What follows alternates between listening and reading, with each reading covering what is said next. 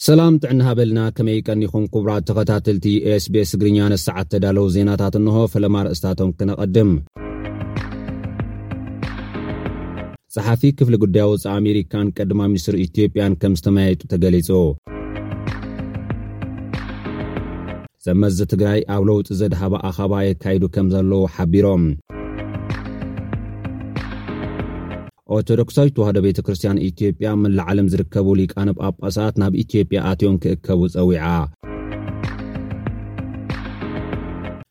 ኢትዮጵያ ን ዕስራን ሓደን ነጥቢ ክልተ ሚልየን ኣብ ዓፀቦ ዝርከቡ ዜጋታታ ዝውዕል ሓገዝ ክግበረላ ተማሕፂና።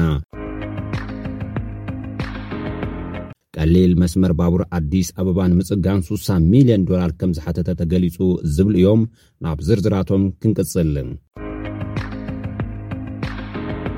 ጸሓፊ ክፍሊ ጉዳይ ወፃኢ ኣሜሪካን ቀዳማይ ሚኒስትር ኢትዮጵያን ከም ዝተመያየጡ ተገሊጹ። ጸሓፊ ክፍሊ ጉዳይ ወፃኢ ኣሜሪካ ኣንቶኒ ብሊንከን ቀዳማይ ሚኒስትር ኢትዮጵያ ኣብዪ ኣሕመድን ብቐንዱ ምስ ኩናት ትግራይን መስራሕ ኣፈጻጽማ ውዕል ሰላምን ዘርእዮ ዘሎ ምዕባለታትን ካልእን ኣልዒሉ ከም ተዘራረበ ወሃቢ ቃል ኔድ ፕራይስ ኣፍሊጦም ኣለዉ። እቲ ብቐዳም 21 ጥሪ 2023 ዝተገብረ ዘተ ንምውፃእ ወተሃደራት ኤርትራ ካብ ትግራይ ንኣገደስቲ ምዕባለታት መስርሕ ሰላም ንጉዳይ ተሓታትነት ገበነኛታት ከምኡውን ንኲናት ክልል ኦሮምያ ዘተኮረ ምንባሩ ተገሊጹ ኣሎ።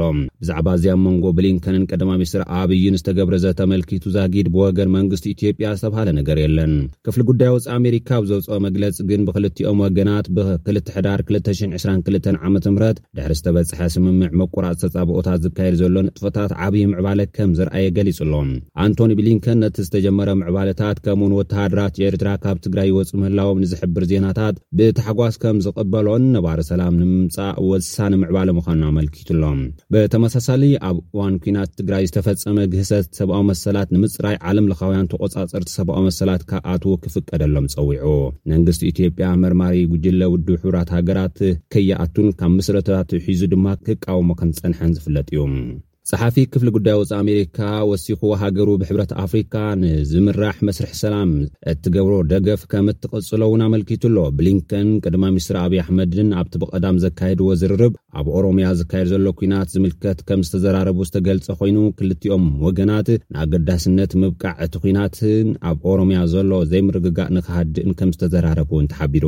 መንግስቲ ፌደራልን ምምሕዳር ክልል ኦሮምያን ኣብ ዝተፈላለዩ ከባብታት እቲ ክልል ንዝፍጠር ግጭት ንምቛም ኩሉ ዓይነት ኣማራፅታት ኣብ ግብሪ የውዕሉ ከምዘለዉ ቅድሚ ሒደት መዓልታት ኣብ ዘውፅዎ መግለፂ ሓቢሮም እዮም። ብዛዕባ ሰራዊት ኤርትራ ዝምልክት ኣሜሪካ ንምውፃእ እቲ ሰራዊት ከምትድግፍ ዋላ እኳ እንተገለፀት ብወገን ኢትዮጵያ ግን ዝተብሃለ ነገር የለን። ኣብ ዝሓለፈ ሰሙን ሰራዊት ኤርትራ ተቖጻጺርዎ ካብ ዝጸንሐ ከባብታት ዓድዋን ኣኽሱምን ከምኡውን ካብ ካልኦት ከባብታት ትግራይ ብበዝሒ ይወጽእ ከም ዘሎ ነበርቲ ገሊጾም ምንባሮም ዝፍለጥ እዩ። ምውጻእ ናይቶም ወተሃደራት ኣመልኪቱ ካብ መንግስታት ኢትዮጵያን ኤርትራን ኮነ ካብ መንግስቲ ትግራይ ዝተውሃበ ወግዓዊ መግለጺ ግን የለን። ሰብ መዚ ትግራይ ኣብ ለውጢ ዘድሃባ ኣኸባ የካይዱ ከም ዘለዉ ገሊጾም እቲ ንህዝቢ ወግዓዊ ዘይኾነ ኣኸባ ብዛዕባ እንታይ ዝምልከት ምዃኑ ዘይተነጸረ ኮይኑ ኣብ ማሕበራዊ መራኸብን ዝተዘርግሐ ግምታዊ ሓበሬታ መልሲ ዝሃበ ወሃቢ ቃል መንግስቲ ትግራይ ኣቶ ጌታቸው ረዳ ግን ኣብቲ ሓበሬታ ዝተጠቕሱ ዝርዝር ጉዳያት ልክዕ ከም ዘይኮኑ ብምግላጽ ኣብ ለውጢ ዘድሃበ ኣኸባ ይካየድ ከም ዘሎ ግን ሓቢሩ ኣሎ። ኣቶ ጌታቸው ብትዊተር ኣብ ዘሕለፎ ሓጺር መልእኽቲ ኣብ ኣድላይነት ድሕነትን ህልውናን ህዝቢ ትግራይ ማእከል ዝገበረ ለውጢ ምርድዳእ ተገይሩ ኣሎ፣ ዝተጣየሸ ካቢኔ ይኹን ዝተገብረ ምትዕርራይ ግን የለን ኢሉ ኣሎ። እዚ ሓበሬታ ህወሓት ዝተፈላለያ ኣካላት ዘለዎ ካቢኔ ከጣይሽ ምውሳኑ ዝምልከት ሓበሬታ ኣብ ማሕበራዊ መራኸብታት ድሕሪ ምዝርግሑ ዝተውሃበ ግብረ መልሲ እዩ። ኦርቶዶክሳዊ ተዋህዶ ቤተ ክርስትያን ኢትዮጵያ መላእ ዓለም ዝርከቡ ሊቃነ ጳጳሳት ናብ ኢትዮጵያ ኣትዮም ክእከቡ ጸዊዓ ጳጳሳት ናይታ ኦርቶዶክሳዊ ተዋህዶ ቤተ ክርስትያን ኣብ ኦሮምያ ሓዱሽ ሓላፍነት ድሕሪ ምክፋሎም እዩ እቲ ኣኸባ ተጸዊዑ ዘሎ ብጽወ ቅዱስ ኣቡነ ማትያስ ቀዳማይ ፓትርያርክ ሊቀ ጳጳስ ዘኣክሱም ርእሰ ሊቃነ ጳጳሳት ዘኢትዮጵያ ኣብ ዝሃቦ መግለጺ እቲ ሲመት ብዘይፍቓድ ቅዱስ ሲኖዶስ ብዘይሕጋዊ መገዲ ከም ዝተፈጸመ ገሊጾም ኣብ ውሽጢ ሃገርን ወፃእን ዝርከቡ ርእሰ ሊቃነ ጳጳሳት ብቕልጡፍ ናብ ቤት ጽሕፈት ፓትርያርክ ክመፁ ጻውዒት ኣቕሪቦም መንግስቲ በቲ ዘጋጠመ ኣብ ልዕሊ ሃገር እውን ዘስዕቦ ጉዳኣት ኣብ ግምት ብምእታው ኣብቲ ጉዳይ ሕጋዊ ሓላፍነት ወሲዱ ጸጥታ ከኽብር እውን ሓቲቶም ብፁዕነቶም ምእመናን ካብ ዝኾነ እዋን ንላዕሊ ንቤተ ክርስቲያን ክሕልውዋ እውን መጸዋዕታ ኣቕሪቦም ኣለዉ። ኢትዮጵያ ን21 ነጥቢ 2 ሚልዮን ኣብ ዓፀዎ ዝርከቡ ዜጋታታ ዝውዕል ሓገዝ ክግበረላ ተማሕፂና ወሃብቲ ረድኤት ኣብ ኢትዮጵያ ደገፍ ንዘድልዮም 21 ነጥቢ 2 ሚልዮን ዜጋታት ክሕግዙ ኮሚሽን ኣመራርሓ ስራሕን ሓደጋን ድልውነትን ኢትዮጵያ ፃውዒት ኣቕሪቡ ኣሎ ዳይሬክተር ርክብ ህዝብት ኮምሽን ደበበ ዘውዴ ኣብዚ ሕዚ እዋን ኣብ ኢትዮጵያ ብሰንኪ ሰብ ስራሕን ተፈጥራዊ ሓደጋታት ደገፍ ዘድልዮም ዜጋታት 21.2 ሚልዮን ከም ዝኾኑ ገሊጹ ኣሎ። ኣብ መንጎ እዚኣቶም እቶም ኣስታት 4.6 ሚልዮን ካብ መረበቶም ከም ዝተመዛበሉ እውን ሓቢሩ። ነቶም ወገናት መንግስቲ ናይቲ ሃገር፣ ፕሮግራም መግቢ ዓለምን መንግስታዊ ዘይኮኑ ካልኦት ትካላትን ዕለታዊ መግቢ በብዙሩ የቕርቡ ምህላዎም እኳ እንተተገለጸ ግን ብቑዕ ከም ዘይኮነ የረድኡ።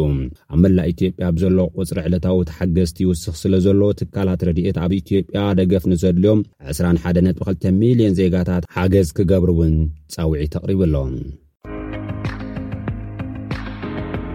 ቀሊል መስመር ባቡር ኣዲስ ኣበባ ንምፅጋን 60 ሚልዮን ዶላር ሓቲቱ 23 ባቡራት ብሰንኪ ሕፅረት መለዋወጢ ኣቑሑት ስራሕ ኣልቦ ኮይነን ከም ዘለዋ ዝገለፁ ሰብ መዚ ኢትዮጵያ ንዓኣተን ንምፅጋን ኣስታት 60 ሚልዮን ዶላር ከም ዝድለ ተዛሪቦም ኣለዉ።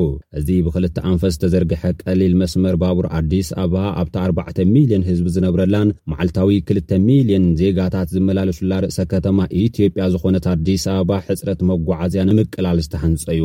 ባንኪ ኤግዚም ቻይና ነቲ ቅድሚ ሸሞንተ ዓመታት ዝተመረቐ ብኤሌክትሪክ ዝሰርሕ ቀሊል መስመር ባቡር ኣዲስ ኣበባ ክሃንፅ ልቓሕ ዝሃበ ኮይኑ፣ እቲ መስመር ኣብ ሰዓት ንሱሳ ሽሕ ሰባት ንምግልጋል ዓቕሚ ዘለዎ ተባሂሉ ሰላሳን ሓደ ነጥቢ ሽዱሽተ ኪሎ ሜትር ዝንውሓቱ ስርዓተ መጓዓዝያ ቀሊል ባቡር ምዃኑ እዩ ተገሊጹ ነይሩ።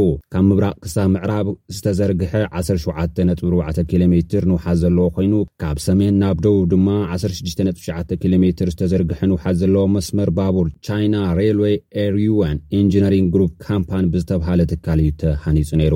ኣብዚ ቅድሚ ሸሞንተ ዓመታት ዝተመረቐ መስመር ካብ ዝስርሓ ኣርብዓ ባቡራት ኣብዚ እዋን እተን ዕስራን ሰለስተን ብሰንኪ ሕጽረት መለዋወጢ ኣቑሑት ስራሕ ከም ዘይሰርሓ ሓላፊ ቢሮ መጓዓዝያ ኣዲስ ኣበባ ኣይተ ምትኩ ኣስማረ ምስ ዘ ሪፖርተር ኣብ ዝገበርዎ ቃለ መሕትት ዘረጋገጹ ኮይኖም ንጽገናኣን ድማ 60 ሚልዮን ዶላር ከም ዝሓተታ እውን ገሊጾም ኣለዉ።